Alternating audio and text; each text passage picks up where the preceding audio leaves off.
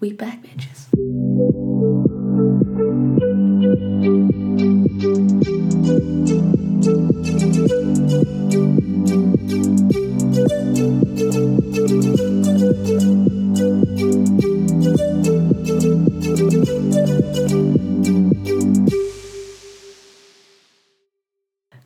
marg blessuð og sæl og verið hjartanlega velkomin í seríu 2 af hlaðvarpinu Kona er nefnd. Það er ég, Silja Björk, Og ég tina sem tökum uh, hjartanlega vel á mót ykkur uh, og, og bara þökkum ykkur fyrir sínda þólinmæði.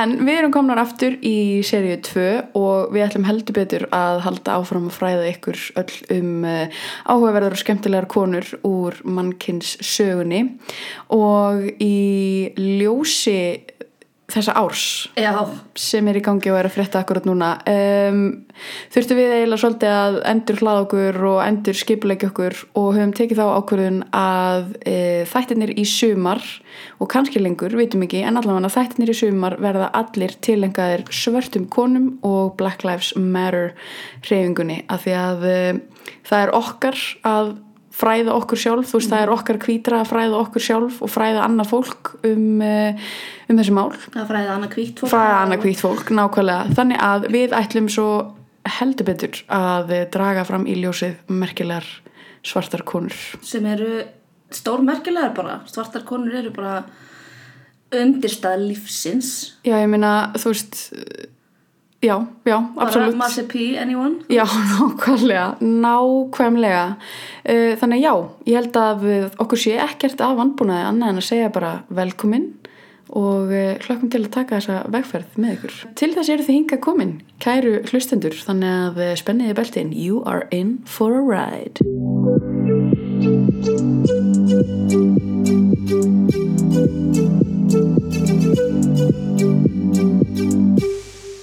Kona er nefnd Elaine Brown Elaine. Elaine er fætt 2. mars 1943 þannig að hún er fiskur sem er bara mjög gott Fíla það væp, fíla það væp. mjög gott væp og er alin upp af einstæðir móður í norður Philadelphia Elaine var aðlega alin upp í kringu kvítt fólku sem yngur árum mm. uh, og mamma hennar vann mjög mikið til að geta sendt hana í góða skóla og, og tónlistarskóla hún hefði klassískan píjónuleik og ballett í mörg ár sem barnúlingur fóð síðan í Philadelphia High School for Girls sem var uh, skóli fyrir sérstaklega gifted stelpur. Fór síðan í Temple Háskóla en hætti á fyrstu önninni sinni og flutti til Los Angeles til að reyna að verða söngkona. Mm. bara, þú veist, small town girl to the big city. American Dream þegar hún flutti! Já, þú veist, ok mm, Hollywood læti það vera þannig uh, Þegar hún flytti til Los Angeles fór hún fyrst að vinna sér þjótt á The Pink Pussycat en ektar dansstað og kynntist þar uh, J. Richard Kennedy Pink Pussycat, mjög gott Vá, það er ekkert, það er ekkert verið að reyna svona fel. Nei, þetta er ekkert eitthvað svona ró, eitthvað rósin eitthvað, nei, nei, Pink Pussycat, þú bara, Já. það verður ekkert að milli mála hvað þú ert að fara að gera þar. nei It's not a pet store, honey. Já, hún kynntist þar J. Richard Kennedy, hann var rithöfundur sem var giftur en þau hófu leynilegt ástarsamband. Hann var sá sem að kendi henni nefnilega þessari svörstu stelpu sem var alveg upp bara meðal kvítra um uh, réttinda bara svartra og pólitík því tengdu og aktivisma. Mm. Og í gegnum hann fór hún að taka þátt í The Black Liberation Movement Þau hættu síðar að hittast og, en þá var hún bara komin á fullt í þetta og er enn að, basically. Nú, já, ok. Já, uh, hún vann síðan meðal annars fyrir fréttablaði Harambe sem var aflýst amerískt blað gefið út af Los Angeles Black Congress sem var samansamt svona margra svartra barðahópa, þú veist, NAACP, CORE, African American Association og fleira. Mm -hmm. uh, Harambe var síðan uh, mjög mikilvæg þáttur í að auglýsa og koma á fót hugmyndum um The Black Panther Party sem að Elaine gekk uh, síðar til liðs við. -hmm. og áður en ég fer meira inn í hennar sögu þegar ég komið stutt inn á hvað The Black Panther Party er því, og til styttingar ætla ég kalla BPP BPP það meikaði mér sannst því að skrifa en nú þegar ég segi Já, BPP, BPP, en allavega. Það getur líka bara, ekki bara já. Uh, og ég mælu með myndinni The Black Panthers uh, Vanguard of the Revolution á YouTube. Bara, hún er bara þar í fullri lengt uh, og ástæðan fyrir ég ætla að tala sérstaklega aðeins um samtökin er að því að ég viðkynna það bara að ég vissi bara ekkert að þetta væri til. Þú veist, ég er svona heyrt þetta en samt eiginlega ekki þú veist, ég náttúrulega horfa ekkert það mikið á kvikmyndir þannig að þú veist, kannski er eitthvað veist, veit fólk eitthvað úr einhverjum kvikmyndum sem ég veit ekki svona af. Samt sko eins og, ég, eins og við vorum að tala um um daginn þú veist að því að sagan er náttúrulega skrifið af þeim sem hana þessi mm -hmm. Og þar af leiðandi er Hollywood það líka skiluru þannig að þú veist þær kvikmyndir sem ég hef persónulega séð það sem að drepið niður á Black Panthers er basically bara þú veist þetta hafi bara verið terroristasamtök og þetta eru bara svarti þetta eru sko bara svörtustu svörtu menn Já. þú veist allir með einhverja alpahúi risa hríðskotarifla og þetta eru bara þú veist þetta eru bara vandræðsækir Já. skiluru þú, þú færði ekkert þú þarft að kafa miklu dýpra og þú ert viljandi að leita að eins og þessari heimildamynda á YouTube skiluru Já. til þess að skilja um hvað máli snýst af því að Akkurat. Þú veist, þú færð bara þessa útgáf sögunni Já, skiluru akkurat. Og eins og ég segi, ég bara vissi eiginlega ekkert um þetta ég hef heyrt orðið en svona einmitt þannig ég ákvað að horfa bara á þessa mynd. Uh, Samtökin var sérst stopnuð af Bobby Seale og Huey Newton í Oaklandi, Kaliforníu 1966 og þau spruttu upp uh, vegna lögreglu ofbeldis gegn svörtum sem er bara wow, nothing's changed, mm. skiluru literally nothing. Aha, og það sem að sérst, pælingin sem að svona upprunlega pælingin var að stopna svona eiginlega va, varnarsamtök í rauninni þar sem að þeir bara fóru um með byssutna sínar. Lögulegar byssur. Löglega byssur, af því að Huey Newton hann stúderaði byssulög í Kaliforni og var bara með þetta á hreinu og hann þekkti lögin oft betur heldur en lögreglan sko. Af því að í Kaliforni það máttur vera, eða þú veist, að áttu byssu máttur vera með hana út, þú mátti ekki, þú veist, felana það er ekki svona conceal um, en þú máttu bara vera með hana svo lengi sem varst ekki að meða á fólk og hún var ekki hlaðin. Já, þannig að þeir fóru bara einmitt með riskotubustuna sínar og þú veist hérna æ, bullet beltin þú Já, veist já. og kerðu um og ef þeir sáu lauruglan stoppa svart fólk bara í umferðinni eða eitthvað að þá komu þeir svona og fylgdust með úr, úr fjarlæg þar sem var ekki hægt að segja að þeir vera að trubla nei, en svona nóga nála til að geta þá stigið inn í. Gripi inn í já, og eins líka bara til að sína samstöðu bara þú veist, þið eru með byssur, við erum með byssur. -hmm. í byrjun 67 opnuðu samtökin svona sinn fyrsta samkomstað og fór að gefa út blaðið The Black Panther Black Community News Service og út frá þessu stækka þetta svo varð að í rauninni pólitísku svona pólitísku flokk. -hmm. Og svart fólk um öll bandaríkin fór að hafa samband við þau ef að þau lendi í lögregljópaldi að vantaði ráð eða hjálp. -hmm. uh, Þetta eru mjög merkilega samtök og sagan þeirra er einmitt mjög áhugaverð af því að hún er ekki eins og við kannski höldum á hún sé. Akkurat. Og já, aftur að Elaine af því að svo flettist þá sagan betur inn í þessa sögu. Hún by- byrjar að taka þáttur 1968 og fyrstum sem fyrstum sinn tók hún svona bara ímis hlýðarstörf og var að lesa byltingakendar bókmentir eða Studying Revolutionary Literature. Já, stóð á Wikipedia Já. en, já, selja blöðin þeirra og þrýfa byssutna þeirra. Já, það var bara svona Somebody has to do já, it. akkurat uh, og eins og með svo margt annað þá voru konur álitnar lengi vel bara svona hjálpin og bakgrunnurinn og emitt þrýfa byssutna fyrir kallana áður en að þeir fóðu með byssutna sína skiluru uh, og svolítið að hjálpa því að feðraveldi er nefnilega víða og eiginlega bara allstaðar akkurat.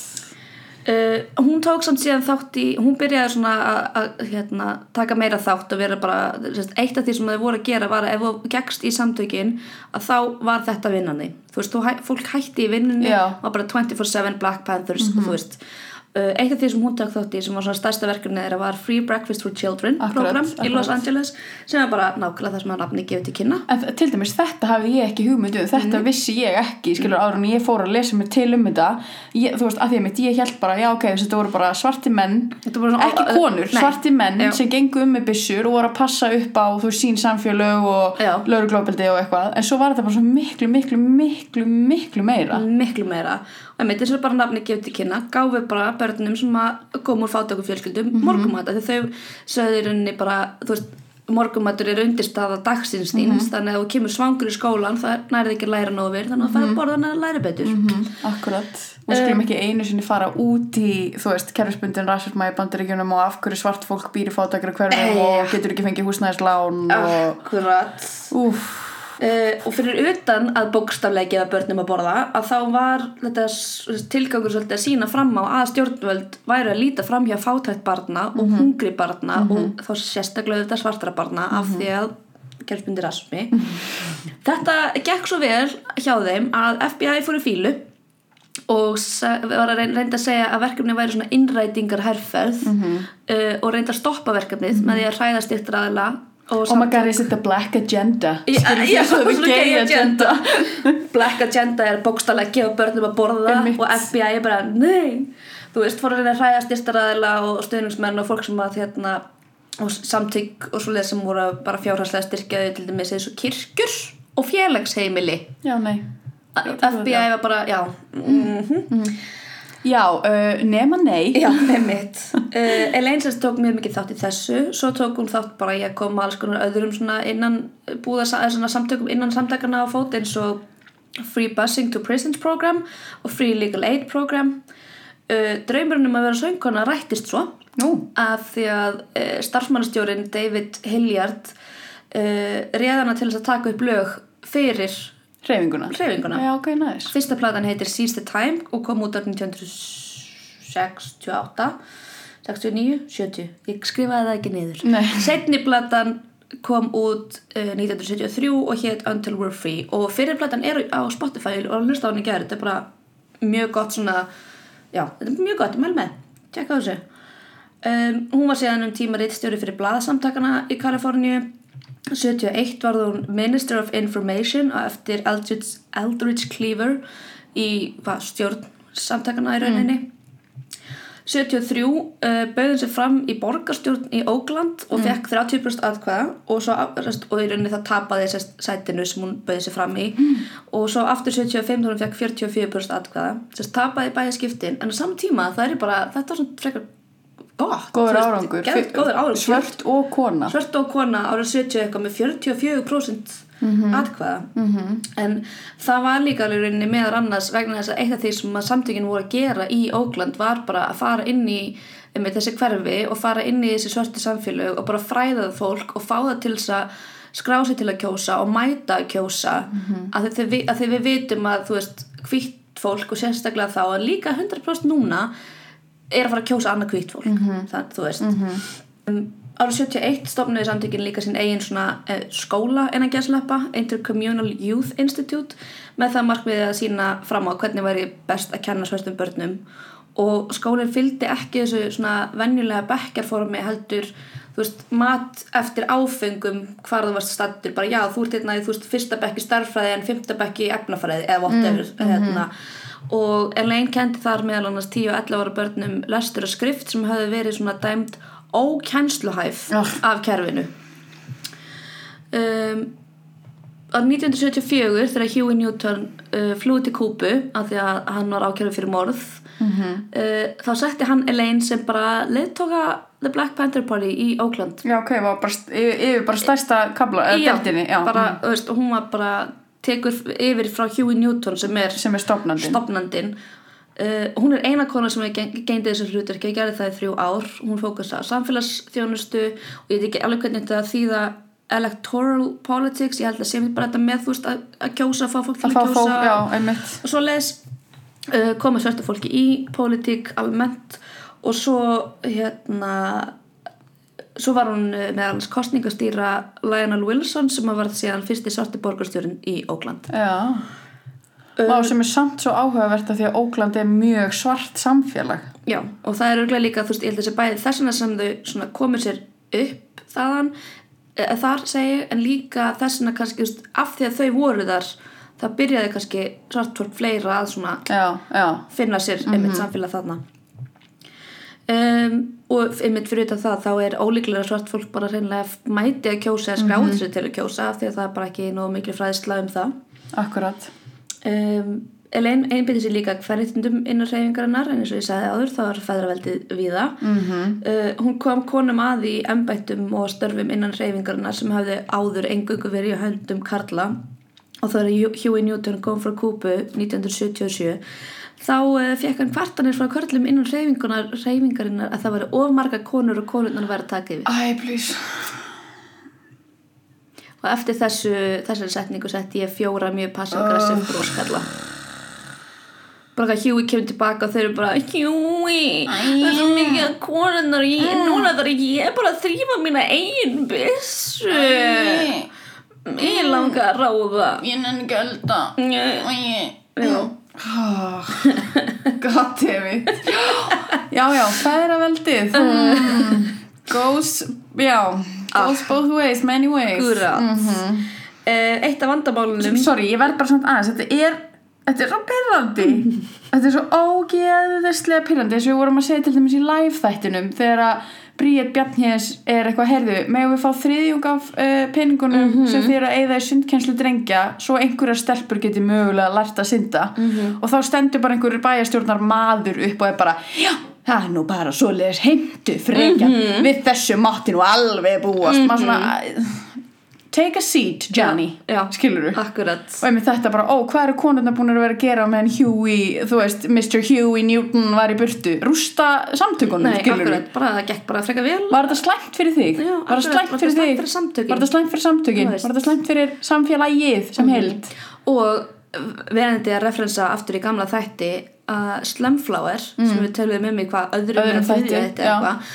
og ég er búin að taka eftir mjög mikið á Twitter núna uh, hérna, að því að hún hefur alltaf talað svona og er að tala svolítið mikið svona líka núna um sko, einmitt sko feðraveldið og misettir innan svartarsamfélags sko, hvernig svartir karlmenn þó þeir séu jaðarsettir gagvart hvítu fólki Ak- eru náttúrulega í forréttinda hóp gagvart hvítum konum og hvítu transfólki og hvítu hins þú- meinarðu? já, svör, já, svörtu menni segi þannig að það er líka svona, þú veist umræða sem að þarf að taka er ekki bara að, veist, black lives matter heldur black women, Women. matter, veist, black trans lives matter black gay lives matter, þú veist. Það er, feðraveldið er líka alveg struktúr innan þessara samfélaga. Algjörlega og þú veist, þetta er náttúrulega þetta er svo ógslega margþætt og, og svona, þú veist, hvað segir maður samofið, þú veist, að því að, að, að hérna, rasismi og feðraveldið er náttúrulega þú veist, tengist á e, bara órjúvanlegum böndum, skilur bara síjans týpur sem eru að valhoppa saman í gegnum lífið sko. Nákvæmlega, en það því, en, en veist, en rasismi finnst alveg jafn mikið innan svarta samfélagsins já, skilurðu, já, já, og kolorismi og allt þetta. Og einmitt, akkurat líka feðraveldið, mm Mhm. það má ekki gleyma því að veist, svartir menn they owe a lot to black women. Akkúrat. bara nákvæmlega eins og hvíti kallmenn owe a lot to white women, Já. skiluru algjörlega. Og talandi um það þá hérna, þetta er reyndarbók eftir Karlmann því miður, en djók. Djók, hann frábær. En ég mæli með með? Ég með segja það já, ég mæli með bókinni How to be an anti-racist eftir Ibram X. Kendi. Ég er að hlusta hann núna hljóðbók og hún er mitt bara, hann talar rosalega mikið um þennan innri rasism og þennan colorism og þessa innri baráttu inn í sínu eigin samfélagi sem er ótrúlega fræðandi til þess að reyna að skilja hvaðan síðan hvítimaðurinn þú veist, kem, þú veist, hvernig baráttan er. Bara geðveik bók, bara frábær bók. Ég mæli rosalega mikið með henni. Um, back to the story. Eitt af einmitt helstu vandamálum reyfingarina vor, var hversum hérna, svona ásamála meðluminnir voru um hversu í rauninni ofbeldisfull eða friðsal samtökin átt að vera. Já, já. þú veist, og það er einmitt svona, auð, það er svo auðvelt fyrir einmitt söguna að grípa í ofbeldis hlutan og vera eitthvað að sjá, þetta eru terroristu samtökan þú veist, það var fylgt af fólki sem að bæði var ekki sammála, veist, þessari herfer, þessari framgöngur en líka á sama tíma og eins og er í myndinu, þú veist, tala svolítið um bara en af hverju af hverju fara þau að beita ofbeldi? Af hverju er þetta leiðin sem þau einhvern, tíma, einhvern veginn verða að grípi þú veist, af hverju er þetta að grípi það að fara út með, með riffilin þinn til þess að fylgjast með lauruglu að handtaka einhvern sem fór yfir á rauðu ljósi skilur þannig að það er líka, það kemur mjög vel fram í þessari mynd. Svo líka náttúrulega, uh, þú veist, ég, og ég kem inn á eftir, er þetta náttúrulega líka afleiðing, þú veist, FBI og hvíta fólksins að reyna sundra samtökunum, er að algjörlega búa til þetta, þessa gjá á Algjörlega. milli fólks, Algjörlega. skilur og einmitt, þetta er eins og bara, þú veist, ef einhver sem að segist vera yfirlýstur feministi eða bara einhver kona kemur Nei. og segir eitthvað í fréttum, þá eru náttúrulega bara allir feministar, þetta er bara handónið batteri og bara niður með, niður með kynja jafnbreytti og Já. bara þetta er ekki hægt, sko. akkurat Þú veist, þú færð ekki, þú- þú færð ekki einhverja reglubók, skilur og heldur ekki, þú fæðist ekki svartur og bara eitthvað, heyrðu, hérna er how to be a black person, skilur akkurat. sem er mitt líka pointið pointið er, þú með þessu er mitt líka að sí, bæði sína að svart fólk er ekki bara ein gerð af svörtu fólki heldur líka að segja þeim innan síns eigin samfélagi að þau megi bara vera eins og þau eru skiluru Akkurat En einmitt líka, af hverju eru þau að grípa í þetta ofbeldi? Þú veist, er þetta ekki bara örþrifa ráð? Akkurat Af því að þú, þú veist, einmitt, hvíta fólki grípu þetta og bara eitthvað, þetta er bara ofbeldisfullt og maður svona, mm, Já. hvað með laurugluna, Já. hvað með, hvað með, þú veist, borgarstyrjöldina, hvað með, Já. hvað með þrælahald, hvað Já. með helföruna, hvað með, þú veist, allt Akkurat. annað, heimsvaldastefnuna, nei, bara segja svona. Já, akkurat Og svo einmitt þegar Þú fólk veist, af reynir hverju, að af hverju, já. þegar fólk reynir að mótmæla friðsamlega með því að uh, fara á eitt hnið þegar einhver, eitthvað lag er spilað að þá er það líka maður bara svona, þú veist, það er aldrei neitt nóga gott fyrir ykkur hvort nei, sem er. Nei, nákvæmlega. Oh my god, ekki, sko, skulum ekki einu sinni byrja. það er, það, er hérna, fyrst, Nógu reyðar erum við yfir færaveldinu á núna að fara að hrista upp í öllu til þetta er tvöföld reyði, skilur við oh my god. Margföldur reyði en eitt af vandamálunum var sérst að hérna, þau voru ósamalum hvernig í rauninni hversu ofbeldisfullega friðsælega þetta vera og í setið tíð varð ofbeldis talsvægt meira og Huey Newton var þar mjög framarlega -hmm. Og á meðan að Elaine var sérst ennþá leiðtóin þá hvarf kona nafni Betty Van Patter sem að Elaine hafði ráðið 74 sem hérna, bókara samtakana hún var svo bara rekin setna það ár um, en svo hvarf hún í desember 75 eða 74, ég held að það verið 74 en ég skrifaði 75 og Huey Newton á síður að hafa sérst, óstaðfest játað að hafa látið myrðana á mjög ofbildsvillan hátt af því að hún ætlaði að benda á eitthvað misræmi í bókunum og uh, þau voru ekki að borga skattar rétt Já, já, já. þannig að þú veist, hún var bara látið mm. hverfa -hmm. og bara myrta mjög ofbildsvillan hátt mm. uh, Elaine sagði þó að sér satt mér ekki líka vel við Betty Van Patter þá raki ég hana en ég myrta hana ekki veist, bara, ég vildi bara að hún fara að vinna eitthvað annars Já, einmitt, sko, það, var, veist, þetta, það voru margar aðrar lausnir á þessu máli Já. Já einmitt Árið 1977 var síðan ráðast að konunafni Regina Davis uh, sem var sérst yfirmaður eða skólastjórinn í þessum skóla sem Elaine vann í eftir að hún skammaði Karlkins samstagsfélaga sinn við skólan. Þið skilja ekki hvað ég er að ránkvæða í honum harkalega núna. Uh, Huey Newton, okkar allir besti vinur, þá hafa fyrirskipað þessa árás og þetta var svona, þessi árás var síðasta strái fyrir Elaine, þú veist, í hennar augum þá var hún bara, ok, þetta er síðasta strái það er bara verið, þú veist, auglust að konur voru bara aftur, komnar í minn hluti það bara verið ítaðið frá, þú veist, Huey kom tilbaka bara ítaðið með jæðurinn þannig hún bara hætti í samtökunum og flutti til LA með dóttur sinni Eriku sem var þá sjöra. Ég fann voðalega lítið annað um þess að dótturinnar nema að pappinar var Raymond Hewitt sem var líka í Black Panthers. Já, já, annars bara er ekkert um hana meira að segja. Ok. En þarna er Elaine sér rétt hætti í uh, Black Panthers komin til Los Angeles mættir í hérna, Southwestern University School of Law um tíma vann að bókinni sinni A Taste of Powers A Taste of Power sem er sjálfsæðisa sem kom út 92 mm. Gott ár, gott ár Já, gott ár. Bókin fjallaði um lífinna sem barn og úlingur og einmitt hvernig það er að alast upp í hvítu samfélagi og fara síðan inn í svartan aktivisma mm. og mér langar mjög mikið að lesa þessa bók mm -hmm. hún hætti samt ekkert að vera aktivisti uh, Og er annað. já, þú, þú, þú, hún var ekkert eitthvað jæja, herðu, nú ætla ég bara að fara Racism is solved. Racism is over, I'm done. Uh, hún hérna flutti til Atlanta 96 stofnaði þar Fields of Flowers sem eru góð að gera samtök sem að snúast um að hjálpa fátækum afrísk amerísku börnum að komast í skóla. Af 98 var hún meðstaflöndi grasrótrar hópsins Mothers Advocating Juvenile Justice til að aðstofa börn sem átti að rétta yfir sem fullornum í Georgiu mm. Þessi málefni, þessi fangilismálefni og mass incarceration sem við höfum talað um áður er bara eitthvað sem að auðvitað svolítið svona hennar málefni þú veist, se- mass incarceration og bara sérstaklega ungt fólk og börn og svona þú veist, þetta var svolítið hennar. Uh, á svipum tíma þá stofnaði hann líka The Michael Lewis Legal Defense Committee en hann var uh, sérst, líka þetta sem Little B var sérst 14 ára þegar hann var dæmdur í lífstegafangilsi fyrir morð sem að Elaine og fleiri telja hann hafi ekki framið. Já. Hann er held ég ennþá í fangilsi sko Já. Hann er dæmdur sko 97 -hmm.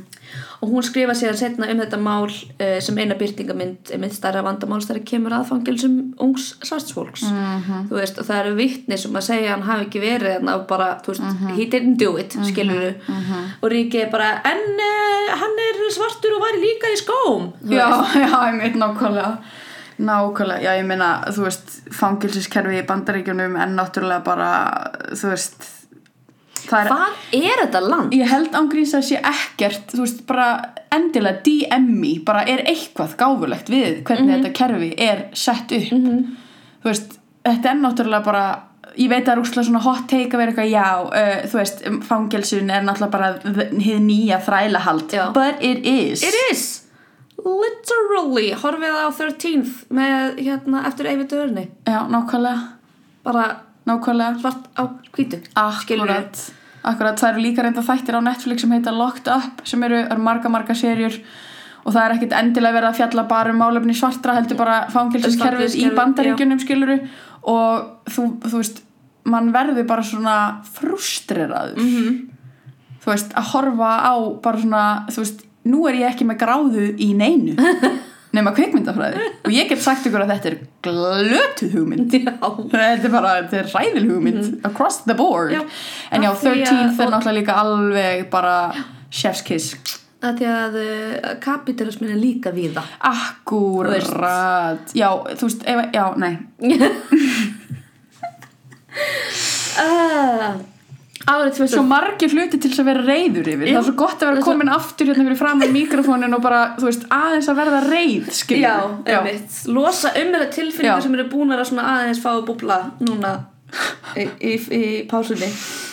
Uh, Árið 2003 var hún meðstofnandi National Alliance for Radical Prison Reform sem eru samtök uh, sem að hjálpa fengum að finna sér húsnæði eftir að þau ljúga afplánun, þú veist hjálpa fjölskyldum að heimsækja ástöðinni í fangils og svo framvegis um, árið 2005 var hún á mótmælum fyrir uh, G8 Summit í uh, Georgíu þegar hún heyrði af nálæri borg sem heitir Brunswick þar sem að fátækt er mikið vandamál og surprise surprise er það mjög svart samfélag af því að uh, svörstu fólki er ítt í fátækt af kapitalisma og hvítamanninum Uh, hún ákvað að bjóða sér fram sem uh, borgarstjóra á móti sýtindi borgarstjóra Brian Thompson hún breyði sér sérst fram undir nafnið The Green Party og ákvað, veist, vonaði að hann gæti svolítið komið málefnum Little B, þú veist, aftur á kortið, bæði, þú veist, bara hans málið sem slíku og svo þá nota það til þess að fara í vekja þetta kerfi þessu, já, Já. Mhm. og sem og ef þetta var aðast bara á fátættar vandamál borgarinnar og hérna redistributa þú veist peningum borgarinnar sem að ef að við höfum lært eitthvað síðustu vikum er aðeins svo mikið í lauruglinni og aðeins svo lítið í metakerfinu bara svona þetta sem dæmi.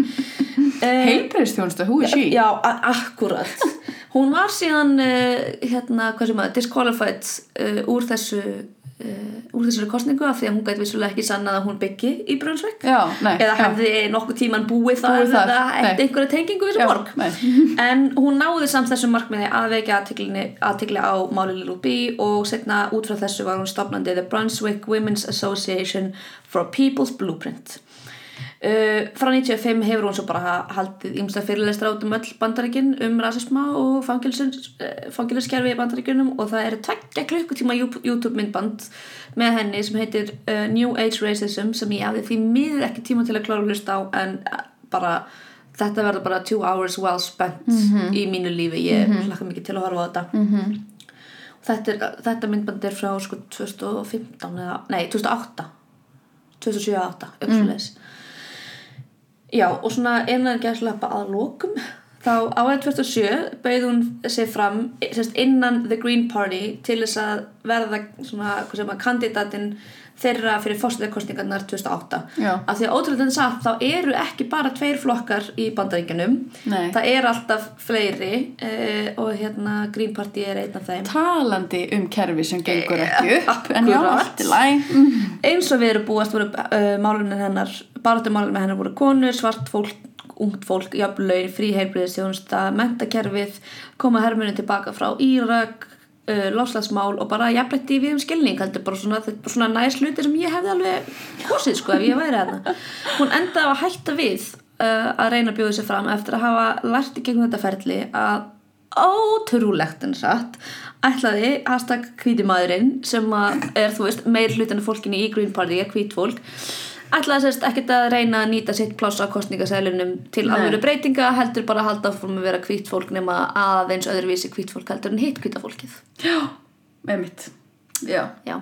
sem betur fyrr, náttúrulega var það síðan ekki hvít fólk sem vann nei. þarna en, en hún var bara, já ok, ég er svart kona en að berjast fyrir jafnrétti og þið ætlið ekki, nei ok, ég er farin. Um, Þannig að hefur verið bara svona, þú veist, já en skilur, svona- ég þekki svartan mann, Já. svo ég get ekki verið rasist. og líka svona tókenismi að vera bara en það var samt svart já. og það er bara alveg óvart sem að var hvítur maður og enda, en þú veist Já, um, já þetta lét er svona token black person. Hún let náttúrulega ekki degan sig árið 2010 var hún til dæmis mikil aðstóð í hérna það voru sérst sjö fangilsi í Georgi sem að fóru, sérst fangar í fangilsum í Georgi sem fóru í verkfall af því að þeir voru bara mótmála aðstöðinni sem að var í fangilsum -hmm. og hún var svolítið svona þú veist, the outside woman þú veist, konan sem var ekki í fangilsi og var svona rödd þeirra utan hérna uh, fangilsins auðvitað talsett betri tengingu heldur en þeir sem er, jú, vissulega vandamálið Já, sem að já, akkurat. Mm, árið 2015 varð hún fyrir árás að frá konanar með Delsey Brooks sem var í borgarstjórn Oakland þar sem að Brooks sagði við hana I haven't moved on you before because you're old but I'm tired of your bullshit. Uh, hún sérst hringdi Elaine uh, sem var datt um stóla og rak höfuðið í og árið 2007 vann Elaine málið sem að hún höfðaði gegn Brooks og bara gegn Oakland borg að því hún var sérst borgar já, borgarfulltrúi. Og nú skil ég ekki alveg hvernig þetta dómskerfi, það kom alltaf eitthvað svona one of 3.7 million lawsuit -hmm. veit ekki, þú veist, að því að hún endaði á því að fá 500.000 dollara -hmm. þannig ég veit ekki alveg hvað þetta þrý, en 3,7 miljón dollara eru sérst 500 íslenskar miljónir Hmm. í dag og hún fekk allavega af því sem ég las 500.000 af þeim dollarum sem eru 74 íslenskar miljónir uh, hún sérst vann þetta mál að því að kona hrindinni og hún Aha. fekk 74 íslenskar miljónir já, mhm. ég bara er alveg til í það mér finnst það bara það minnst að ég, ég hefði alveg viljað sjá hann að fá bara þess að 500 Já, miljónir sko akkurat. Hver, ég meina, hvað sagði, 2015? Mhm. Þegar hún er bara orðin öldruð kona.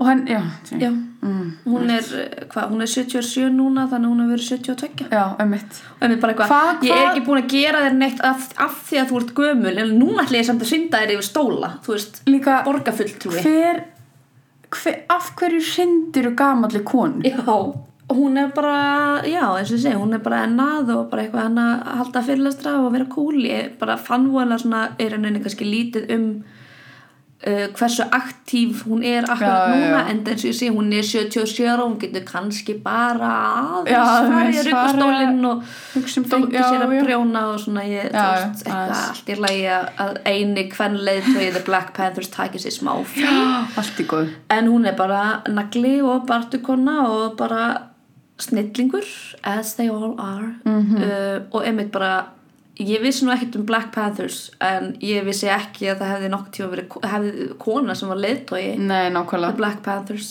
veist, og Huey Newton hefði sett hana sem uh leiðtói þú veist, Mhm. honum þó til varnar fyrir utan Margt hitt, annað að að þá var hann eitthvað hey Elaine, you're my girl ég er með homegirl, let me, let me set you up. Já. Já, ok, nice. yes, Nice. Meistara kona. Já, heyrðu, ég ætla líka að segja ykkur frá uh, einum svart partusa nagla en kona er nefnd Afeni Shakur. Og Afeni Shakur fættist þann 10. janúar 1947 og hún var sagt skýrð Alice Faye Williams sem er rosalega hvít nafn. Uh, og ég ætla ekki að fara eitthvað þú veist, uh, ég ætla ekki að fara að tala fyrir foreldra hennar en maður getur ímynda sér þú veist hvaðan svona nafngiftir koma skiluru en hún var sagt uh, afrísk bandaríska, afrísk amerísk eða bara svört og var mikill aðgerða sinni og baráttu kona fyrir réttindum svartra í bandaríkjunum. Hún er mamma Tupac Shakur rapparans valin kunna uh, og er, ég ætla ekki að segja hún sé þekktust fyrir það af því hún er það ekki, kannski í dag mm, skiluru, já, já, en uh, uh, það var klárlega gott afrek hjá henni en ekki hennar besta afrek Nei. Uh, Afeni hún ólst upp í Lumberton í Norður Karolínu og foreldrar hennar hétu Rosa Bell, hún var heimavennandi húsmóðir og pappi hennar hétu Walter Williams Jr. og hann var vörubýrstjóri og hún átti eina systur, hún heitir Gloria Jean en þær áttu alveg svona frekar erfitt uppeldi og áttu erfitt samband við pappa sinn að því veist, og Afeni basically bara ólst upp í það að vera bara í nöp við pappa sinn að því, já og Karla almennt að því að hann beitti þær mæðgunar ofbeldi barðið þær og, og einhvern veginn var hún bara svolítið mikið í kringum svarta menn sem voru að beita konundum sínur og börn ofbeldi. Þannig að henni er svona, þú veist, hún elst svolítið pínu upp við það að vera bara í nöp við svarta, eða bara karlmenn og hún talaði um að setna henni fannst þess að móði sín væri svona veikgeðja fyrir að geta ekki staðið upp í hárun og föðu sínum og fyrir að geta ekki, þú veist uh, komið börnunum úr þessum aðstæðum. Og hún átti líka þannig svona svolítið erfitt samband með mömmu sína sem henni tókst nú reyndar að laga setna meir. En hérna, já, þetta er svona hennar uh, bakgrunnur. Hins vegar komast þær undan ofriki föðu síns. Þegar mamman ákveður að fara frá honum ára 1958 þá er Afeni 11 ára og þá flytja þær frá Lumberton. Úksla fyndi nafn, ég verð bara að segja það. Það flytja frá Lumberton til Bronx uh, en Afeni átti mjög erfitt með að fóta sig þar svona fyrstum sinn og átti sérstaklega erfitt með að fóta sig í námi. Og það var að tala um að kennarar kennararnir vildi að hún færi hérna eitthvað svona high school for performing arts eitthvað. En hún ákvaði að fara í Bronx High School of Science og í þessum gagfræðiskóla þá kynntist hún öðru svörtu baráttu fólki og fekk mikinn áhuga á innan gæsa lappa götu menningu eða svona street, the street life, the life on the streets sem er bara basically eins og að segja oh it's a very urban community. Eitthvað svona af því þú þorir ekki að segja hún fekk áhuga á svartri menningu hún fekk Já. áhuga á svörtum Já. þú veist, bara, svartri baráttu svörtum uppruna sínum skilur it's life on the streets on the streets. Eins og þetta sé, já. Já. Eins og, já, orðið urban sem er, ég, ha, sem ég hata. Eða ethnic. Já. he was very ethnic looking eitthvað. Einmitt. Hvað þýðir það? a non-white person. Allavega og hún fór þá á þessum hérna, gagfræðaskóla árum að kalla sig baráttu konu götunar, svona soldier of the streets sem er basically bara þú veist ávið það, hún er bara berjast fyrir lífi svartra í bandaríkjunum. Hún verður uh, já, þegar hún er 21 árs þá uh, breytir hún sem sagt uh, nafninu sínu í uh, Afeni Afeni Shakur uh, úr þessu kvítþegna Alice Faye Williams uh, og Afeni er sem sagt uh, orður úr afríska tungumálinu Yoruba sem er mest talað í vestur Afríku í kringum Nígerju og Afeni þýðir svo sem elskar fólk eða the lover of people. Ó, og það var gömul kona úr uh, svona samfélaginu hverfinu hennar sem var af svona Yoruba ættum sem að kallaði hann alltaf þessu gælunafni ó, og Krúttlegt. já, mjög sætt og Shakur er síðan arabíska fyrir þakklæti en hún tók það eftirnafn upp eftir þáverandi unnustanu sínum Lamamba Shakur. Uh, og þetta er þegar hún, er gengin í sagt, svörtu partisona og Lamamba var áhrifamikill innan flokksins og það voru þó nokkri meðlimir innan flokksins sem að tóku upp eftirnafnið Shakur. Sumir sem að voru tengdir þú veist fjölskyldu eða ættaböndum og aðrir ekki skiluru og hérna eins og segi þetta er arabíska fyrir þakklæti og það var svolítið mikið um á þessum tíma að hérna uh, að því að, ar, að veist, arabísk menning og afrísk menning er eins og Svíþjóð og Noregur skiluru, þú veist þetta er, þetta, er, þetta, er, þetta er svo tengt. Já, akkurat Uh, og Lumumba var líka múslimi og Afeni snýri sér einni til múslimatrúar þegar þau voru saman. Hún flutti síðan úr Bronx yfir í Harlem sem var og er mjög svart hverfi og þá gengur hún satt, uh, til liðs við hinn margróma flokk svörtu partisuna eða The Black Panther Party sem hún hafði fyrst kynst fyrir einhverjum árum þegar hún heyrði Bobby Seale sem þú varst að tala um á sem er annar meðstofnandi flokksins eða samtakana og hann stóð bara upp á einhverjum pappakassa eða eitthvað eplakassa og einhverju götuhotni og var með eitthvað ræðu og hún var bara hei, þetta fíla ég. Fyrir flokkin, kynnist Lumumba skiptir hún af og er basically bara herru, þetta er lífið mitt, skilur þetta er það sem að uh, ég er að gera hún, þetta er í kringu svona 68, 69 þú veist, þreimur, tveimur, þreimur árum eftir að flokkurinn er stopnaður og hún gengst til liðs við þá og uh, henni var alltaf líst sem digðugri og duglegri innan flokksins uh, alltaf líst sem konu sem tók svona prinsipin fram yfir gróðan og það, þú veist, tók þarfir fólksins eða þarfir svona heldarinnar fram yfir sínar eigin þarfir. Hún skrifaði marga greinar og fréttir um þessi flokksmálum baráttuna í hérna The Panther Post. Og uh, það sem að ég vil bæta við, ég er þetta með náttúrulega líka smá um það bara hvað svörtu paradísarnir voru en það sem að mér fannst áhugaverðast var að þú veist ekki nómið það að eh, það voru deildir eða svona chapters út um öll bandaríkin þá var líka sko Black Panther Party í Breitlandi og í Algeríu. Já, af því að frakkar hvítir frakkar Uh-huh. voru með heimsvaldastefnu back in the day og ítöki yfir Algeri og það var borgarstyrjöld og eitthvað Já. svona þannig að það var líka svo satt Og það var einhver þeirra sem að einmitt flúði að flutti til Algeríu já, Já, þeirra átti að handtaka þau eitthvað svo leið Já. já, mann eftir núna að segja og hérna og ég kem inn á þetta einmitt bara þegar flokkurinn fór að stækka og konum innan flokksins fór að fjölga þá bættust öll þessi samfélagslegu úrræði við sem að þessum vinum hans Hjúi fannst mólega slæmt að alla konurnar væru eitthvað hvað meinar það fyrir? Morgum er fyrir börn. Hvað, hvað meinar það sundkjænsla fyrir stelpur? Þetta er bara heimtu frekja. Um, og það sem ég líka sá sem að mér varst mjög áhugavert sem að var sem sagt að uh, þau stopnuðu þennan skóla en þau voru líka með alls konar bara svona community centers og líka með heilsugæslur sem að hugsuðu sérstaklega um svart fólk og heilsu svartra af því að alls var ekki verið að hugsa um það á einhverjum hvítum heilsugæslum og voru sagt að fræða fólk um sko uh, heilsu og meðhendlun allskenn sjúkdóma, skadamingun, hjálpa fíklum og fræða um bergla, alnæmi uh, og lífrabólku og svona sem að smitast með sprutunálum og öðru og líka siðkornablóðleysi sem er arfgengur sjúkdómur sem er algengur hjá svörtu fólki sem að hvíti læknar in the 70s voru bara ha, Æ, nennis. Já, einmitt. og hérna var aldrei almennilega sint og illa greint og eitthvað svona og að, að þú veist, já, að þetta er svona hvað segir maður, svona predominantly svartur eða sjúkdómur sem að herjar á svart fólk.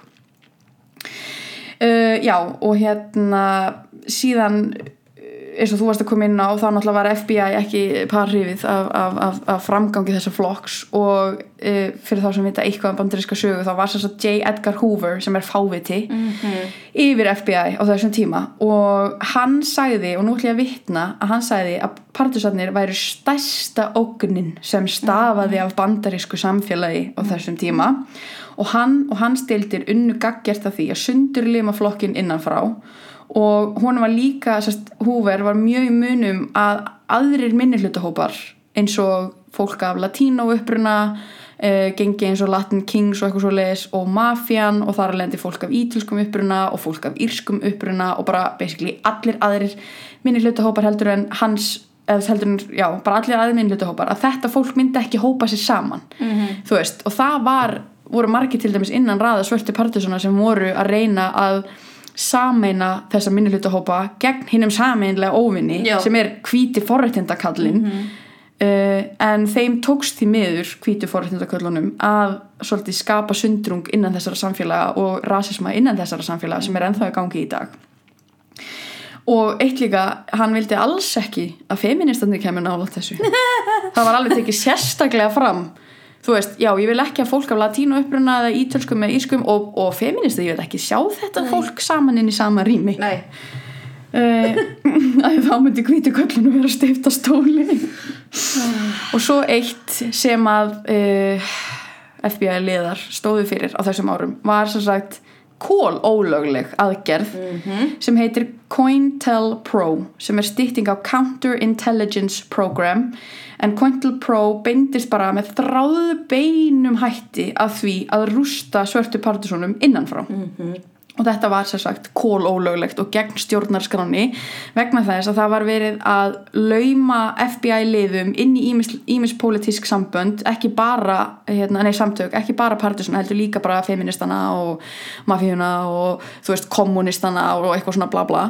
Um, og reyna að gera, svona, gera leiðtóna tortryggilega, grafa undan trösti flokkmeðlima í garkvors annars og líka bara myrða fólk Já. sem að þeim þótti stafa ógnaf bara blatantli myrða fólk sem að þeir voru bara, heyrðu, þessi aðli er að fara að gera eitthvað sem að kemur okkur illa, bara, heyrðu, þú ert átt er einmitt eitt hérna í Vanguard of the Revolution. Það sem er eitt morðið það sem, það sem er einmitt þeir skutu eitthvað, ég man ekki hversu mörgur skotum og það var, þú veist, einu skoti skotið úr byssu partisuna Já. og það var að því að lífverður veist, Já, þetta er sem, já, þetta er sem ég var að tala um já. því um daginn, já, já. misti byssuna og þessuna þú veist, fórskot Já, en svo komu þeir í, þú veist, allar aðgerir sem að beindust að ofbeldi milli, eða átaka milli FBI eða lauruglunar og svörtu paradísuna var náttúrulega alltaf málað upp í fjölmiðlum eins og svartu paradísarnir væri bara með sikkkora hrískotabissunar í, Mhm. þú veist, í sikkkora hendi, bara plaffandi hingað og þangað, skilur og svo bara og svo kemur það bara upp þegar að, sagt,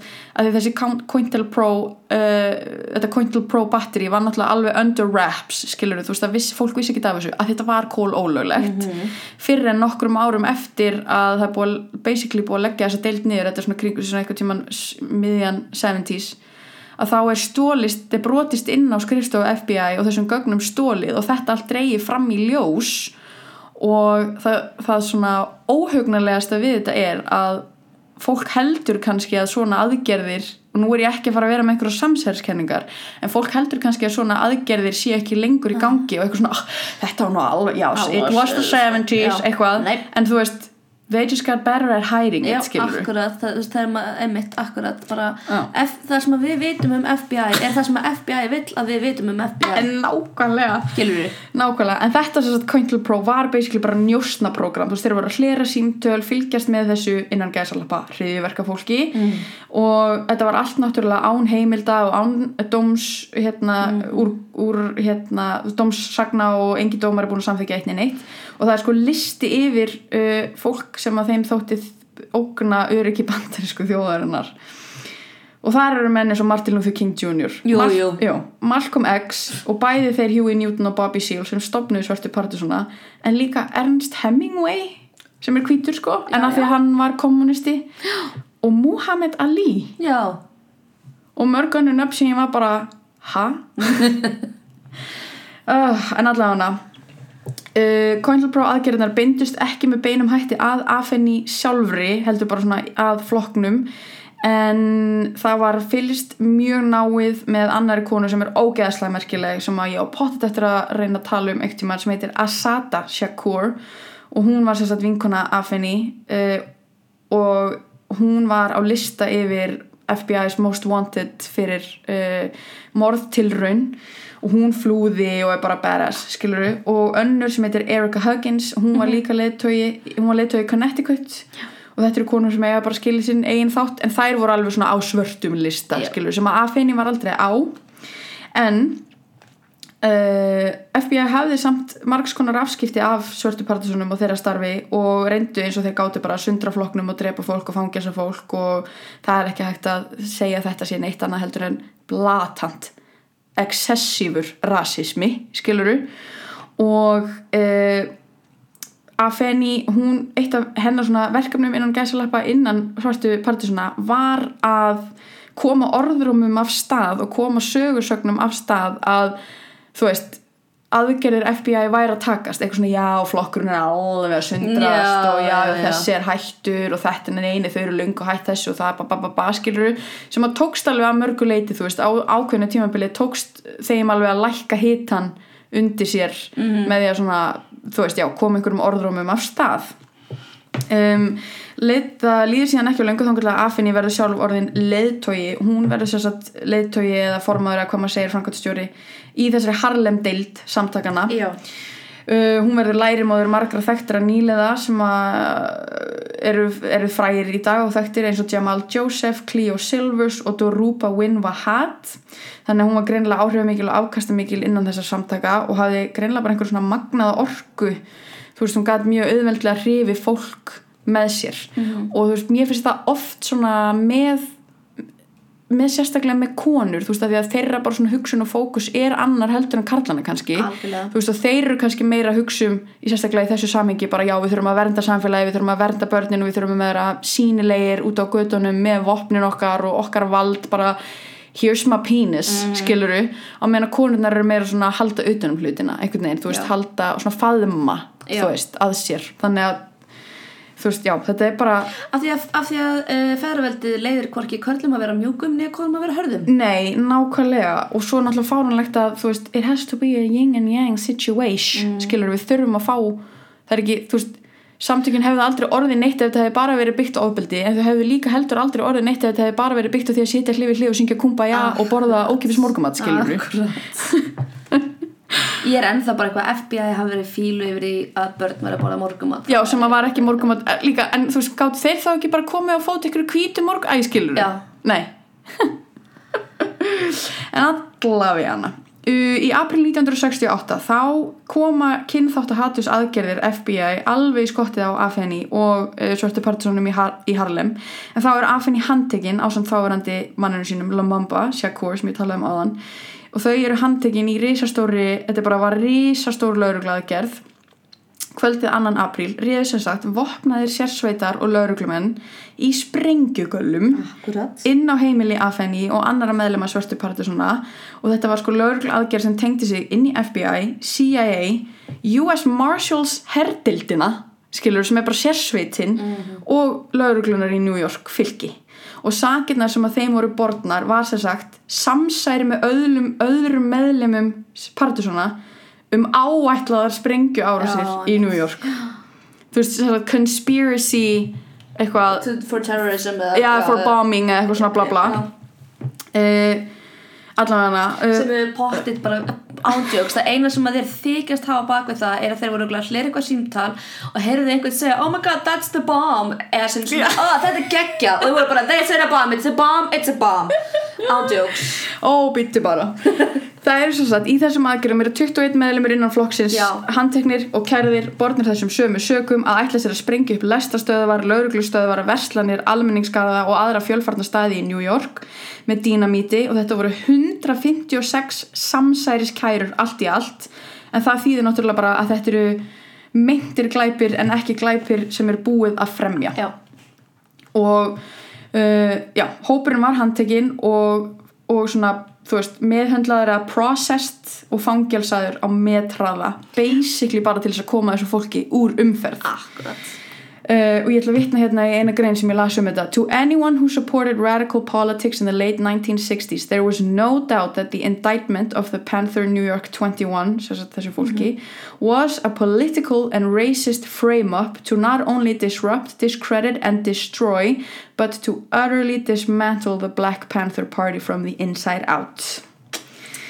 Jep. og við skulum líka bara átt okkur því á þessum tíma á þessum tíma og örglega ennþá eru svörstu partisotnir skilgrindir sem hriðjuverkasamtök akkurat. En ekki KKK akkurat, bara, já. Bara látið það bara setjum staðins niður. Þú veist, samtök sem eru búin að vera til síðan 1700 og eitthvað sem gera ekki annað en að kveikja í skjóta, beita ofbeldi. Samtök sem stóðu fyrir hengingum á almannafæri í, úr trjágreinum. Það eru ekki terroristar. Nei. En menn og konur sem sjá fyrir ókeppis morgunverði fyrir fátek börn og, Og ganga um með og ganga um með löglegar byssur það eru það er stærsta ógnin sem stafar á bandaríkjunum í dag allavega hana allir þessi 21 uh, meðlumir samtakana voru færðir í fangaklefa og tryggingin er sett á 100.000 dollara sem eru 13 miljónir þannig að það er fárunlega hátt og þetta er náttúrulega líka eitt sem er þekkt í bandaríska réttakerfinu og tryggingar sem eru settar á svarta eða litaða fanga eru náttúrulega töluvert herri en á hvíta fyrir sömu eða minni brot. Akkurat, donate to bail funds. Einmitt, og þetta er svo stöðut að gert viljandi að tryggingin sé svona há að því að þau hefðu til þess að losa alla meðlimina út hefðu þurft að borga 273 íslenskar miljónir þetta er fátækt svart fólk. Já, Nú, þessar handtökur og þessi réttarhöld sem verða voru náttúrulega auðvitað gjörsamlega fáránleg og óhófleg og kærunar heldu nákvæmlega engu vatni. Nei. Uh, og eins og ég segi gagngert til, gagngert gert til þess að þú veist, að því Harlem var Harlem deildin var mjög stór og mjög áhrifamikil að þetta er náttúrulega mjög svart samfélag og svona þú veist, mikið svona já, þetta er bara svona samfélag sem er rótgróið í svartri menningu og var sagt mjög mikið litið upp til Harlem deildarinnar og þetta var í rauninni gert til þess að diskredita svörtu deildina gegn, þú veist, Oakland deildinni og gegn hinnum deildunum Uh, what these charges represented was a form of unprecedented legal repression created as a structural alternative to break the party's stronghold, reputation, and community base. For the Panthers, who fortunately weren't murdered or assassinated, exiled, or imprisoned, the courts became the ruling's class convenient and effective form of legal lynching, a straitjacket beyond the walls, a robbery of valuable time and resources. Þannig að þú veist, þetta er ekki bara, þetta snýrist ekki bara um að fangelsa fólk eða myrða fólk eða koma því úr landi, heldur líka bara taka upp tíma og peninga Já. bæði til þess að hvíta fólki væri bara heyrðu fyrir ekki skattur minna færi í þetta rugg og að svarta samfélagi væri bara heyrðu við getum ekki associatað okkur með fólki sem að ætlar að sprengja upp almenningskarða fullan af börnum mm. skilur Nú, saman tekur hópurinn þá ákvörðun að sapna tryggingu fyrir Jamal Joseph og Afeni fyrst af því þau voru leiðtogar innan hópsins og þau getur þá farið út í samfélagið og reynt að sapna tryggingum fyrir fleiri meðlemi, komast til lögfræði aðstóð, aðstóð og basically bara vinna því að vinna málið. Og hún er fangilsuð 68, hún næra að borga trygginguna í janúar 1970, þá hefði hún setið inn í tvö ár og aðalmeðferð málsins hefst í september 1970 en eins og segi þá hefur flestir í hópinu setið inni síðan 68 og fæstir náða að borga út þessa tryggingu. Uh, kærurnar sem sagt sem eru loksins færðar á hópnum í réttarhöldunum eru tilrönd til morðs samsæri um að fremja morð samsæri um að sprengja byggingar og almennt samsæri Já, bara, samsæ Já. bara samsæri. En vandamáli sem að saksóknarar FBI og New York fylki stóðu fyrir var helber skortur á almennilegum sönnunagögnum að þetta var helber líf. Já, herru, uh, Afeni átti yfir höfði sér 300 ára fangelsistóm ah. ég skrifaði hérna fyrir aftan í sögu að þú veist, what the fuck? En þar sem hún var náttúrulega fátæk og hún hafði eitt mestu fér sem hún hafði sapnað í sínar tryggingar og annara tryggingar að, veist, aðra tryggingar fyrir aðra meðlemi hópsins þá ákvað Afeni að verja sig sjálf. Við erum að tala um smágerða 23 ára gamla svarta konu, einstæða og ólétta af sínu fyrsta barni ákveður hún að standa kókhraust upp á móti hópi hvítra, ríkra, lögmanna og saksóknara innan raða FBI og New York fylgis og verja málsitt. Og hún hafði náttúrulega enga formlega mentun og alls ekki gráðu í lögfræði eða málflutningi en hún tók sér til og bara vann og satt og las myrkrana á milli um lög, um rétt sinn, um rétt sinn og félaga sinna, þú veist hvernig átt að flytja mál, hún leitaði aðstofar út um allt til þess að hún gæti staðið á jöfnum fæti Og gert þetta og rétt. gert þetta rétt á móti þessum, þú veist, þessum færu saksóknurum. Mhm. Um, hún fór og tók ein viðtöl við fólk hún tók viðtöl við vittni hún, hún letti eigin vittna leiðslur skilur spurði spurninga í réttasal stóð upp mótmælti þú veist hún bara tók þetta á fucking nefanum og eiginlega bara skoraði hvítu mennina á holm með málflutningi sínum og hún var eini partusinn sem flutti, flutti máli sem ein lögfræðingur og hún sagði alltaf að henni finnist mesti styrkurinn í því að flytja máli sitt sjálf að vita það að þú veist á endanum væri það alltaf hún sem að væri að fara að sitja inni það væri alltaf hún sem að væri að fara að gjalda fyrir þetta ekki einhver lögfræðingur sem hún myndi ráða skilur þannig að það var svona eldurinn þú veist, eldurinn í þessu öll saman. Og fyrir aftan þetta skrifaði ég pældi í þessu, ólétt 23 ára, fokk Já, neini, já, já, neini, já, já, neini En hérna þar sem að ákjörðunar áttu sér engar lagalegar stóðir og yfirvöld voru að reyna að setja fordæmi fyrir þessu að geta, að geta fært fólk til saka með einhverjum svona samsæris og bladi bla. E, til þess að bara fyrir frekar aðgjörðum gegn svörstu partusónum og öðrum innan gæslappa öfgahópum a.k.a. feministunum Uh, og réttarhöldin fóru þannig á meðan á réttarhöldunum stóð þá feldi dómarinn niður 12 af 30 kærum gegn Afeni bara í miðjum réttarhöldum sem er heldur ekki venjan en það er basically bara vegna þess að þetta stóðst bara ekki lagalega skoðun og þeir höfðu bara ekkert til þess að bakka þetta upp þannig að eftir allt þetta stöðu og eftirlit FBI, ólöglega símarleirun, njóstnir, leynilegar árásir og rángfæslu saka vittni innan raða FBI sem viðukendu það að það sem þeim voru að gera var ólöglegt og að starf þeirra innan FBI hefði rauninni verið að íta undir ofbeldið þá stóðu sönnunagögnin ekki fyrir sínu heldu ekki vatni í réttasal og ekki neitt af þessu meikaði sens ekki neitt af þessu var lagalega bindandi Uh, en tilgangunum var kannski ekki endilega að fangelsa allt þetta fólk eins og ég segi heldur líka bara, þú veist, valda usla og halda þessu fólki uppteknu við réttarhöldin en ekki við baróttuna réttarhöldin stóði yfir í átta mánuði og eru to this day lengstu og dýrustu réttarhöld sem hafa nokk tíðan verið haldin í New York fylki Já, hei. Uh, með tilirandi vesinni Pompei og Praktos og ná skattpenningum voru allir 21 partisotnir síknaðir sökum allir síknaðir sökum og lög formlegum réttarhöldum sjö- 12. mæ 71 Afenni tókst þannig bara með eigin seglu, gáfum og viti að tryggja sitt eigi frelsi, átti enga peninga, var ekki með lögfræ- lögfræðinga, engin forréttindi nema bara sjálfa sig og hausin á sér og það sem hún áorkaði í þessum réttarsal hefur í rauninni bara verið líst sem kraftaverki, Já. þú veist bara þú veist, kennið þetta í lögfræðiskólum, skilur Já. bara take your degree and fucking eat it, skilur hún eignaðist síðan són sinn Lassane Parrish Crooks sem betur þekktur er sem Tupac Shakur í júni 71 Oh my god. réttarhöldunum líkur í mæ hún á hann Þannig að í hún júni basically Hún var- varð ólétt þegar hún var kærð. Bara það gerðist bara sama tíma. Uh, hún var ólétt öll réttarhöldin og ég bara er ekki að ná þessu út af því að þú veist það er eitthvað sem er svo fucking valdeflandi við ólétta konur eða ólétt fólk sem stendur upp á móti hvítu köllunum feðraveldinu og er bara eitthvað ég er hér til þess að minna ykkur á hvers ég er fucking megnug this is why þú veist, þetta er ástæðan fyrir því að ykkur, ykkur finnst stafa ógn af mér.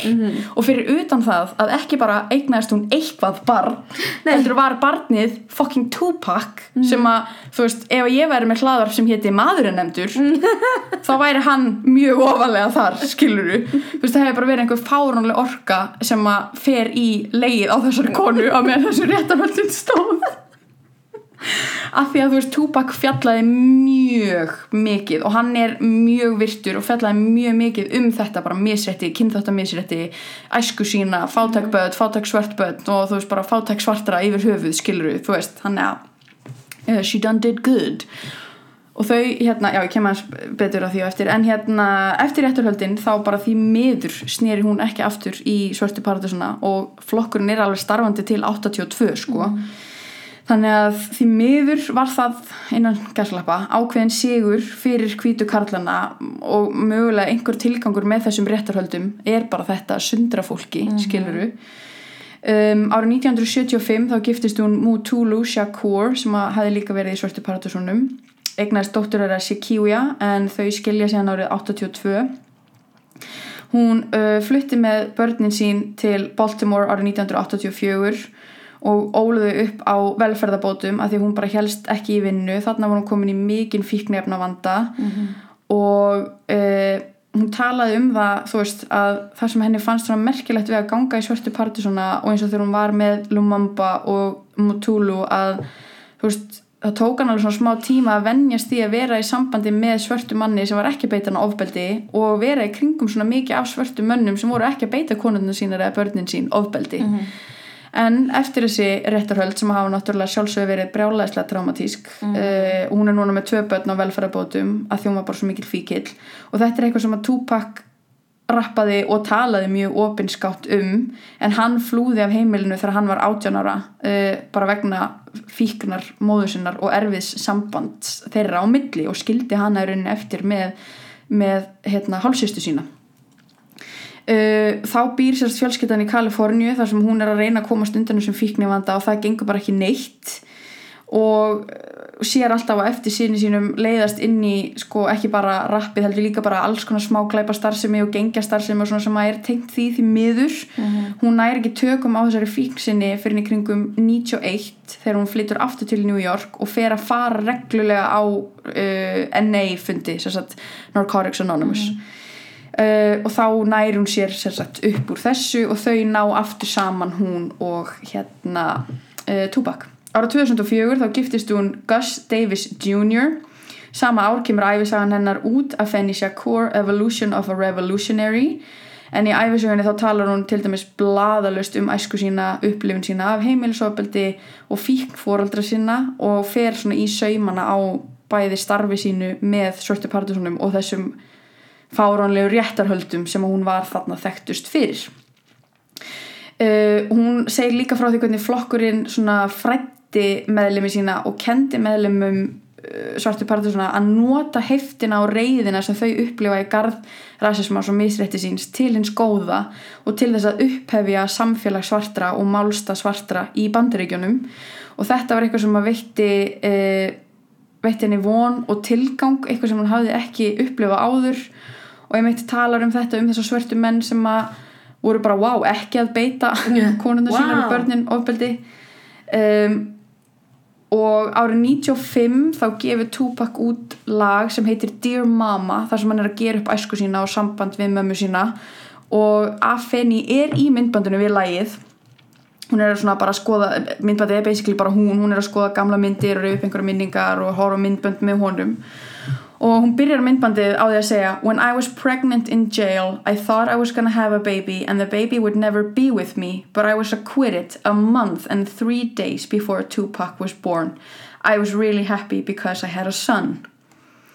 Og í viðlæðinu segir Tupac You always was committed. A poor single mother on welfare. Tell me how you did it. There's no way I can pay you back but the plan is to show you that I understand that you are appreciated og hér fyrir aftan stendur insert crying emoji.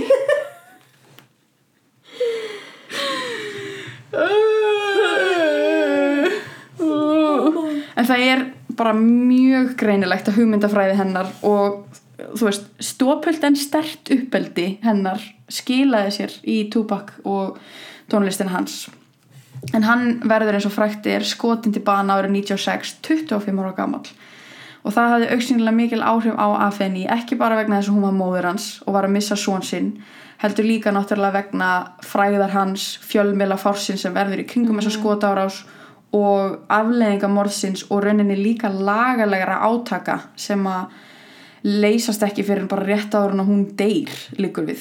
Uh, hann naut mikillar velgengni bæði fjárhagslega og samfélagslega en áður en hann dó, sagt Tupac þá hafði hann komið því fyrir þannig að mamma hans fengi greitar 2 miljónir á mánuði úr bara svona sjóð sem hann á bara úr hans skilur ríkidæmi. Og hann keifti hann í hús.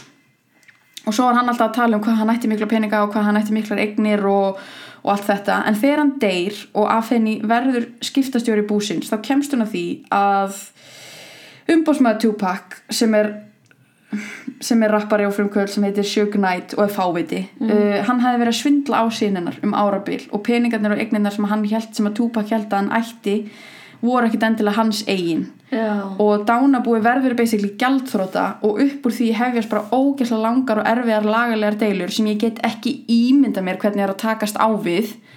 Á móti skiluru brjálæslega sko Suge Knight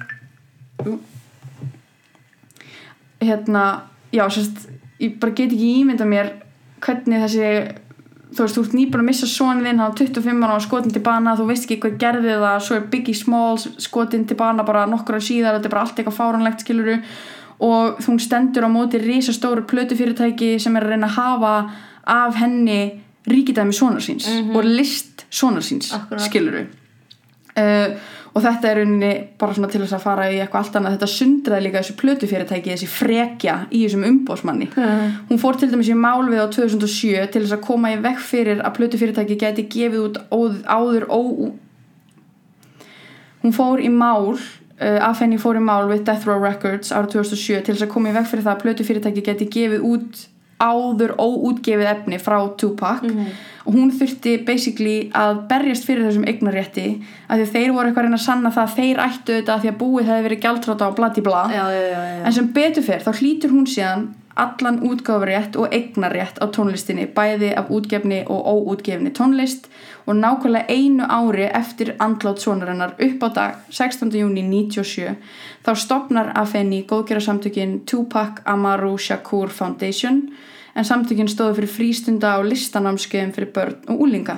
Hún opnaði síðan félagsmyndstöði nafni samtakana í Georgíu og þau félagsmyndstöðin var starfandi frá 97 til 2015 hún stopnaði fyrirtækið Amaru Entertainment svo hún geti betur haldið utan um tónlistina uh, eftir Tupac uh, og eftir andlutið hans hafa verið sko gefnur út held í fjórar eða fimm plötur sem að hafa bara allur ágóði sölunar hefur farið í þessi samtök og í þessa félagsmyndstöð og basically into the black community og svarta, veist, svarta krakka úlinga Nú, uh, rétt fyrir andlátt af henni þá lokaði hún og seldi þessa félagsmiðstöð uh, en samtökin er í rauninni ennþá, eh, ekkert í rauninni, samtökin eru ennþá starfandi og fórseti samtakana er Sequia Shakur sem er hálfsvisti Tupac. Og í dag þá einblýna samtökin uh, aðalega svona mest á geðheilsu og andlega vegferð svartra barna í bandaríkjunum. Uh, og gera það mým sem aðferðum. Þau eru komin í alþjóðlegt samstarf og svolítið svona halda bæði heiðri Afeni og Tupac uppi með, með sínu starfi uh, hún, Afeni hafði líka stopnað fatamerkið Machiavelli Branded árið 2003 en uh, best sem ég veit þá er þetta fatamerki ekki til lengur en hérna hún, hún gerði það basically til að halda utanum ímynd sonar síns á fatnaði -hmm. Og í rauninni annara, annara svartra manna og rappara í tísku yðnaðunum og stór ágóði af sölu þessa, fa þessa fatamerkis rann líka til þessara góðgerðar samtaka en eins og ég segi, ég held að, ég held að sé ekki ennþá verið að framleiða. Það er hægt að kaupa þetta skilur en það er ekki ennþá verið að framleiða. um, og eftir skot árusuna og andlát Tupac þá varð af henni bara svona kannski óvart einhvers konar bara táknmynd svona hinnar sirkjandi svörtu móður uh, af því að þú veist bara frá örofi alda hafa ungir svartir menn verið drefnir af tilgangslausu þú veist, bara tilgangslausu ofbeldi. Og Tupac var nú reyndar ekki skotin af lauruglumanni en Nei, nei. í bara svona heimskulegu ofbeldi Já. skiluru og um, og margar svartar mæður sem að einmitt bara þekki þessa tilfinningu og margar konur sem þekki þessa tilfinningu að, að missa börnin sín. Þannig að hún einhvern veginn svona ferðast, fer að ferðast um bandaríkin í kringu þetta það þurfti náttúrulega mikið að tala við hana í fjölmiðlum að því hún var mamma Tupac skiluru og öll, þú veist, ég ætlaði að reyna að finna ykkur viðtöl við hana. Þau voru öll bara um svonennar, Já, skiluru um, sem er, já já, eins og það er feðraveldið. Um, en hún sem sagt, já, var alltaf að flytja einhverja ræður fyrir sírgjandi foreldra og sírgjandi mæður og bara veita stuðning, eitthvað sem að þú veist, hún hafi líka lært í í, þessu starfi hjá Svörtu Partisónum að bara svona, svona unity skiluru Uh, árið 2009 þá flutti hún aðal ræði og opnunarháttið Vanderbilt háskólans Black á Black History Month og verður síðan reglulegur gestur á slíkum hátíðarhöldum. Og þar tala, hefur hún talað líka já, bara mikið um upplifun hennar á missi sorg og andláti, erfið æsku fíkn og svona vandamál sem að plaga svolítið svarta samfélagið og tíma sinn hjá svörtu partisónum Uh, hún átti mjög stóran þátt í gerð og framleyslu kvikmyndarinnar All Eyes on Me sem kom út ára 2017 og fjallaði um líf og feril sonar hennar. Og myndin var frumsýnd akkurat upp á dag 21 ári eftir morðið á Tupac. Og þetta er fínasta mynd sko, þetta er ekkert eitthvað þú veist, þetta er ekki, þetta er ekki frábær mynd en þetta er bara fínasta mynd. Um, hún gat því miður ekki verið viðstödd frumsýninguna sjálf vegna þess að hún lést annan mæ 2016 úr því sem talið er að vera hjartaáfall suspected heart attack, ég veit ekki hvernig maður útskýra það betur en hún, bara deyr þarna 2016, 69 ára gömul. Og það sem að mér varst fallegt var að svarti partusinn og vinurinnar Doruba Win Wahad sem var líka partur af þessu Panther 21 þessum hóp lísti af henni svona The type of person that worked hard who would stay up all night to get the leaflets done. Og Jamal Joseph sem var þessi leiðtói hann með henni og virtur innan svörtu partusona hann, hún hafði svolítið svona leitt hann inn í samtökin og verið svona læri móður hans. Og hann sagði Afenni hefur kent mér meira um það að vera karlmaður heldur en nokkur önnur manneskja sem ég hef kynst þannig að þetta var a whole badass woman's. S uh, og bara þú veist oh, elska sko ángríns myndirnar af henni úr réttarhöldunum bara eitthvað ólétt í rullukraból og öskra okkur að hvíta kalla. Ég er bara, oh my god, má ég bara plastera þetta á auglókin á mér, mm. skilur fucking, þú veist og ég er ekki bæjast, ég er búin að vera ólétt skilur en bara, það er eitthvað það er eitthvað svona ekstra við það að vera bara ólétt og vera bara eitthvað ég ætla að trúa svona í kokið á þér. Mm -hmm. ég er svört, ég er pínulítil eh, í vexti, ég er 23 ára ég er einstæð, ég er ólétt ég er ekki einu sinni með grunnskólapróf og ég ætla bara að sína þér að þú ert að bulla, þú ert að ljúa þú ert að færa okkur rangar sakir uh, þannig fuck you. Fuck it. Já, uh, arrest my case. En þetta voru þær Afeni og Elaine sem Black Panther Party Queens yeah, badasses Badasses Heyrðu, já, þá erum við búin að fara stuttlega í saumanna á flokki svörtu Partisona og áhrifum kvenna innan, innan flokksins en það eru margar aðrar konur sem hægt er að tala um bæði í tengslu svörtu Partisona og bara baráttu hérna kvenna og baráttu, bar, baráttu svartra kvenna. En mér langar að segja þú veist, þetta er erfitt skilur það er í fyrsta lagi er erfitt að bara vera í baráttu, alveg saman í hvað baráttu þú ert, þú ert að fara, þú ert að fara að reyka þig á veggi, þú ert að fara að mæta mótlæti það er erfitt að vera það er erfitt að vera baráttum manneska mm. skiluru, uh, og það er líka ótrúlega erfitt að beina speklunum að sjálfum sér, að eigin forréttindum og eigin ómeðvituðu fordómum. Og það sem að mér finnst eiginlega svona best og áhugaverðast og eitthvað sem ég þurfti alveg þvílikt að, að átta mig á að þú veist það er ekki nóg að vera ekki rasisti þú þarfst að vera and-rasisti skilur það er ekki nóg að segja bara ég meina ég, ég engan þortum að gegn uh, svörtu fólki, þú þarfst líka núna að berjast gegn því að það sé til rasismi þó þú sért ekki sjálf rasisti skilur Já og líka, einmitt, sko taka svolítið inn á því að vera bara ok, ég er kannski ekki aktíft þessi rasisti sem við sjáum fyrir okkur ég er ekki í KKK Já, en þú veist, en hvað er það við minn hugsunagang og við Já. mitt líf mm -hmm. sem að er og getur talist vera rasismi, mm -hmm. af því það er alveg til á Íslandi og það er fullt af fólki mm -hmm. búið að við tala um það núna og koma því að framfari hvernig rasismi er á Íslandi og hvernig rasismi er á Íslandi hjá fólki sem heldur að sé ekki rasistar Akkurat Þú veist og þú veist, er... við erum bara að tala um að þú veist, ef þú hérna, eins og ég gerði til þessum daginn ég fó, þú veist, lappaði út af bar og þú veist, lappaði einhvern veginn í flasa eða einhverjum mönnum og ég þurfti alveg að hugsa mig um þegar ég, að því svo fór ég veist, í aðra átt. Að því að hérna, og ég þurfti alveg að hugsa um fór ég aðra átt af þetta eru menn og ég var ein kona eða þetta voru greinilega útlenskir menn mm -hmm. þetta voru litaðir menn mm -hmm. veist, ég þurfti alveg að taka smá samtali með þar, bara hefði ég gert það ef það væri hvítir menn, mm -hmm. af mhm. hverju, af hverju ekki mhm. þú veist þú ert aldrei þú ert, þú ert aldrei, you have never arrived Nei, í bara, nei, einmitt í neitni bara áttu, bara feminisma nei. rasisma, bara öllu Nákvæmlega, og líka við verðum að gera okkur grein fyrir því að það fæðist engin kvennhatari, það fæðist engin rasisti, það fæðist engin með skítaskoðun. Mm skítaskoðanir eru, eru uppeldi og og það er líka erfitt fyrir okkur að við þurfum núna, þú veist, við sem erum af þúsaldarkynnslóðinni mm og mhm. þau sem eru af setakynnslóðinni skilur, við þurfum að fara að fræða okkar fóreldra, okkar ömmur og afa við þurfum að fara að taka þetta debat, taka þessa umræðu ofan á allt annað.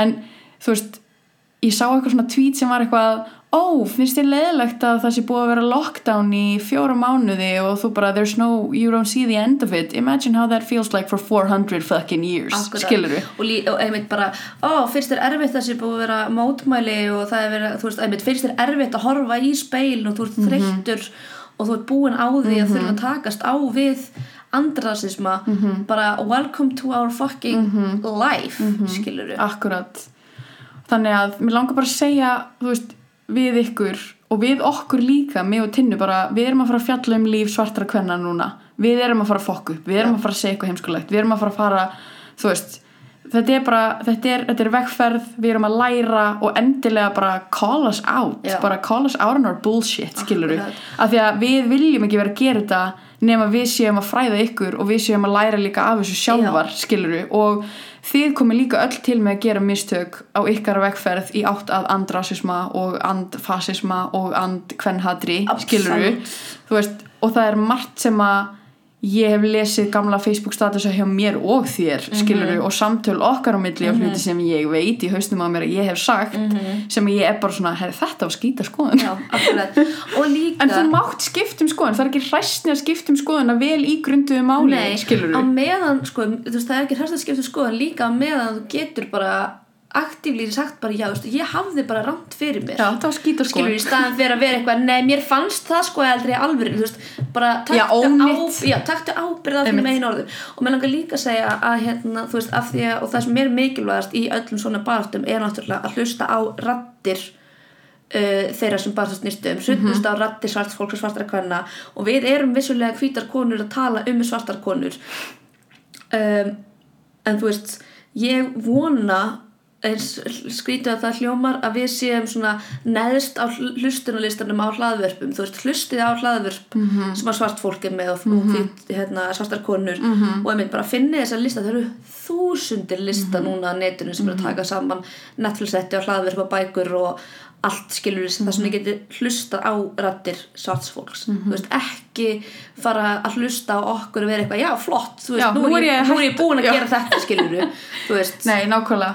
Okkur fannst bara, þú veist, bara svona til ykkar kæru hlustendur, okkur fannst bara ekki vera neinn skynsem í því að tala um neitt annað í seríu 2 allan til að byrja með eins og klímatið er í dag. Þú Hvað hva áttu við að fara að tala um Vigdísi Fimbo? Skilur, Ekki- það bara meikar ekki sens, skilur Þannig að, þú veist, já, uh, er- hlustið á öll hinn podcastina undan, en það er fullt af frábærum hvítum konur sem við okkur langar og við munum tala um en það er bara, þú veist bara nákvæmlega svo það er til fullt af frábærum köllum. Já. But This ain't about you, honey. akkurat, við þurfum að dísendra hvít fólk og bara absolutt. og ef þið eigið einhverja peninga endilega gefið í einhver uh, einhverja styrtar aðila úti uh, hjá Black Lives Matter það er hægt að finna þetta út um allt Mhm. á samfélagsmiðlum Og líka bara, þú veist, eins og ég segi, það er á okkar ábyrð, þessin okkar hvítra, það er á okkar ábyrð að fræða okkur um þessi mál og um hennan kerfisbundna rasisma sem er ekki bara í gangi í bandaríkjunum, Nei, sem er líka í gangi á Íslandi og allstaðar og, e, þú veist, interneti er til, Já. Google er til, þannig að það er nóg af upplýsingum, en allavega hana, að Netflix er búið að búa til svona Black Lives Matter, þú veist. Svona tab. hóp, já, Hóp, já, já, já, þannig að það er, það er einhver afsandir og endilega hafið bara alltaf samband við okkur ef að ykkur langar til, við erum á Twitter, við erum á Facebook, við erum á Instagram, bæði undir okkar einöfnum og kona er nefnd. Endilega farið þið og gerið þið rannsóknir, finnið þið svört samtök sem þið getið stutt við fjárhagslega, skrifið þið undir allar uh, alla undirskriftalista sem að þið sjáu poppa upp það tekur tvær sekundur við erum nú þegar búin að breyta svo mörgu saman í heiminum. Uh, 2020 er að slá okkur utan undir trekk í trekk en Nei, um það skilið. já, eða þú veist, ég meina að það er verið að Við fletta þurfum ofan af að taka á móti þessu. Já, og veist og við þurfum að halda því áfram. Þur, ég, en þetta verður ekki búið núna, skilur veist Akkurat, ég held að, að, held að, ég held að eftir veist, þetta langan tíma núna eru komna nokkra vikur að veist, þetta er svona tími þar sem maður yfirleitt byrjar að ró, róast einhvern veginn þegar það hafa verið einhver mótmæli eitthvað svona. En það má ekki gerast þegar það skiptir við höfum ekki efna á því lengur. Nei. við höfðum aldrei efnaði til að byrja með skilur uh, en núna skulum við hægt að vera fá, fávitar. Og ég meina að þú veist uh, af hverju erum við komin í þessa stöðu? Af því að feðra veldið thank